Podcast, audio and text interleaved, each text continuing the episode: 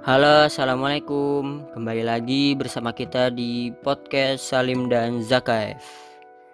Insya Allah di episode kali ini kita akan melanjutkan pembahasan kita kemarin yang sempat tertunda. Sekarang dari Rasulullah menawarkan Islam kepada kabilah-kabilah dan individu di luar Mekah hingga peristiwa Isra Mi'raj. Sebenarnya Rasulullah sendiri udah nawarin Islam ke kabilah-kabilah di luar Mekah atau individu-individu di luar Mekah itu semenjak tahun keempat nubuah. Biasanya lewat pas lagi musim haji. Nah, pas tahun ke-10 nubuah ini Rasulullah gencar gencar banget buat nawarin Islam ke kabilah-kabilah dan individu di luar Mekah. Itu peristiwanya pas lagi musim haji. Adapun cara-cara Rasulullah dalam menawarkan Islam ke orang-orang di luar Mekah ini. Biasanya Rasulullah dengan datang ke pe, ke perkampungan mereka. Terus ada yang dari rumah ke rumah dari pintu ke pintu atau langsung datang ke orangnya.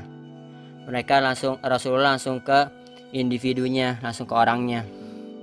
Nah di, di antara itu kalau kabilah-kabilah banyak yang nolak soalnya mereka juga masih ragu gitu. Untungnya buat mereka apa kalau masuk Islam? Tetapi kalau dakwah secara individu di luar Mekah itu banyak juga yang masuk Islam. Misalnya kayak Abu Zar Al Ghifari dari Bani Ghifar Iyas bin Muas dari Bani Aus Suaid bin Samit dari Yastrib terus masih banyak lagi. Yang paling kita kenal biasanya kisahnya Abu Zar Al Ghifari terus ada lagi Tufail bin Amr ad-Dausi. Dia ini orang Bani Daus dari Yaman. Dia seorang penyair terkenal. Nah, pas tahun ke-11 nubuah itu kan Rasulullah apa ya? nawarin Islam lagi keluar Mekah. Nawarin Islam keluar Mekah terus pas setelah itu mau balik dari dari Bani Syaiban atau perkampungannya Zul namanya Zul ya perkampungan Zul dan Syaiban. Itu waktu itu ke sana ditemani sama Abu Bakar dan Ali. Nah pas mau balik dari situ Rasulullah pas lagi di tepatnya di Mina tepatnya lebih tepatnya lagi di Akobah itu ketemu sama enam orang dari Yastrib. Mereka ini dari Bani Khazraj. Nah adapun mereka ini ada As'ad bin Zuroroh ada Auf bin Al Harith, ada Rafi bin Malik, ada Kutbah bin Amr, ada Uqbah bin Amr, ada Jabir bin Abdullah. Nah singkat cerita setelah ketemu sama enam orang dari Yastrib tadi Rasulullah menyerukan Islam kepada mereka. Setelah itu mereka ini sebenarnya pemuda yang cerdas di kalangan orang-orang Yastrib. Mereka juga dengar-dengar dari sekutu mereka Yahudi di Madinah bahwasanya ada seorang nabi muncul di Mekah. Nah, mereka ini pengen orang-orang Madinah ini bersatu, nggak mau perang. Jadi orang-orang Aus dan Khazraj ini selalu perang. Nama perangnya perang Buats. Nah, orang enam orang tadi ini pengen uh, orang-orang Madinah ini nggak nggak selalu berpecah. Mereka pengen bersatu. Nah, mereka melihat ada peluang bersatu dari dakwah Rasulullah. Lalu mereka menerima dakwah Rasulullah. Mereka berharap dakwah Rasulullah ini dapat menyatukan mereka di Madinah. Dan pada tahun ke-11 nubuah ini juga Rasulullah menikahi Aisyah pada umur 6 tahun. Waktu itu Aisyahnya masih umur 6 tahun. Nah, serumahnya itu sama Aisyah baru pas Aisyahnya umur 9 tahun. Untuk Isra Mi'raj bisa dilanjutkan sama Lutfi. Oke, Bu, aneh lanjutin. Jadi aneh di sini mau bahas seputar Isra dan Mi'raj.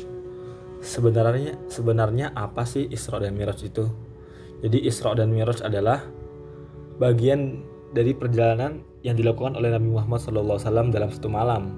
Kejadian ini merupakan salah satu peristiwa penting bagi umat Islam, karena pada peristiwa ini beliau mendapat perintah untuk menunaikan sholat lima waktu sehari semalam. Nah, Waktu itu, ketika Nabi Muhammad SAW berada dalam suatu fase yang ketika itu dakwah beliau berada di antara keberhasilan dan penyiksaan. dan beliau hanya melihat bintang kecil yang bersinar di langit yang tertinggi. Maka terjadilah peristiwa Isra dan Miraj. Nah, terjadi perbedaan pendapat nih dalam penentuan waktu Isra Miraj tersebut. Pendapat pertama ada yang mengatakan bahwasannya terjadi pada tahun nubuah, tahun pertama nubuah. Yang kedua, pendapat lima tahun setelah menjadi nabi atau tahun kelima nubuah. Kemudian pendapat ketiga ada yang mengatakan pada malam 27 Rojab tahun ke-10 kenabian. Kemudian yang keempat ada terjadi pada 6 bulan, 16 bulan sebelum hijrah yaitu bulan Ramadan tahun ke-12 dari kenabian. Kemudian yang kelima terjadi satu tahun dua bulan sebelum hijrah yaitu bulan Muharram tahun 13 dari kenabian. Kemudian pendapat yang terakhir yang keenam terjadi setahun sebelum hijrah yaitu pada bulan Rabiul Awal tahun ke-13 dari kenabian. Nah, tiga pendapat pertama tertolak karena alasan bahwasanya Khadijah radhiyallahu anha wafat pada bulan Ramadan tahun ke-10 dari kenabian. Dan dan wafatnya beliau itu sebelum diwajibkannya sholat lima waktu. Sementara itu tidak ada perbedaan pendapat bahwa sholat lima waktu diwajibkan pada malam Isra. Nah, untuk pen tiga pendapat terakhir, pendapat keempat, kelima, keenam, aneh tidak menemukan pendapat yang paling kuat di antara ketiga pendapat tersebut.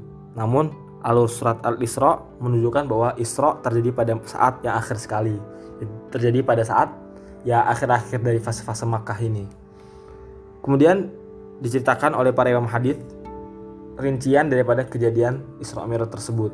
Jadi kata Ibnu Qayyim rahimahullah taala berkata, Rasulullah Shallallahu alaihi wasallam diisrakan dengan jasadnya berdasarkan pendapat yang sahih dari Masjidil Haram ke Baitul Maqdis mengendarai buruk dan ditemani oleh Jibril alaihissalam. Beliau berhenti di sana dan sholat mengimami para nabi. Kemudian beliau mengikat buruk di tiang pintu masjid pada saat beliau sholat. Kemudian beliau dinaikkan pada malam itu juga dari Baitul Maqdis ke langit dunia. Jibril meminta dibukakan untuk beliau pintu-pintu langit, lalu dibukakanlah. Di sana beliau melihat Nabi Adam alaihissalam. Rasulullah mengucapkan salam kepadanya, lalu Adam pun menyambutnya dan membalas salamnya serta mengakui kenabiannya. Jadi langit pertama itu singkat saja ya. Langit pertama itu ketemu dengan Nabi Adam, langit kedua ketemu dengan Nabi Yahya dan Nabi Isa, langit ketiga ketemu dengan Nabi Yusuf, langit keempat ketemu dengan Nabi Idris, langit kelima ketemu dengan Nabi Harun, langit keenam ketemu dengan Nabi Musa alaihissalam. Nah, masing-masing dari nabi tersebut beliau memberikan salam kepada mereka dan mereka menjawab salam beliau gitu. Nah, seperti itu. Kemudian setelah melewati pada saat melewati Musa nih, uh, setelah Rasulullah ke langit ketujuh nih. Nah, kan Musa ditinggal tuh di langit keenam. Nah, Musa menangis. Ketika ditanya kenapa menangis, Musa menjawab, "Aku menangis karena seorang diutus sudahku. Umatnya yang surga lebih baik daripada umatku." Kemudian beliau naik naik naik ke langit ketujuh dan ketemu dengan Nabi Ibrahim alaihissalam. Setelah itu beliau naik ke Sidratul Muntaha, lalu diperlihatkan kepada beliau Baitul Ma'mur. Nah setelah itu beliau naik ke singgasana Allah, ke Al-Jabbar Jalla Jalalah. Allah kemudian mewahyukan kepada beliau untuk sholat 50 kali dalam sehari. Kemudian Nabi Muhammad turun lagi tuh. Dan pada saat melewati Nabi Musa, Nabi Musa bertanya, apa yang diperintahkan kepadamu? Nabi menjawab, Rasulullah menjawab, sholat 50 kali. Jawab beliau. Nabi Musa berkata lagi, umatmu tidak akan sanggup melakukan hal itu. Kembalilah kepada Robmu dan mintalah keringanan untuk umatmu.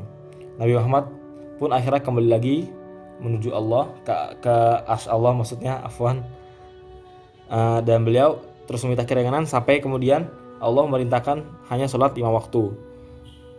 Tetapi Nabi Musa pun masih memerintahkan beliau untuk negosiasi. Tetapi Nabi Muhammad menjawab, aku malu terhadap Robku, aku ridho yang menerima itu semua. Tentang rahasia yang ada di balik perjalanan Isra dan Mi'raj, sepertinya tidak perlu dibahas lebih banyak. Intinya Rasulullah SAW uh, menuju ke mana? Ke neraka. Beliau melihat neraka dan di sana beliau melihat berbagai macam siksaan orang-orang yang masuk neraka.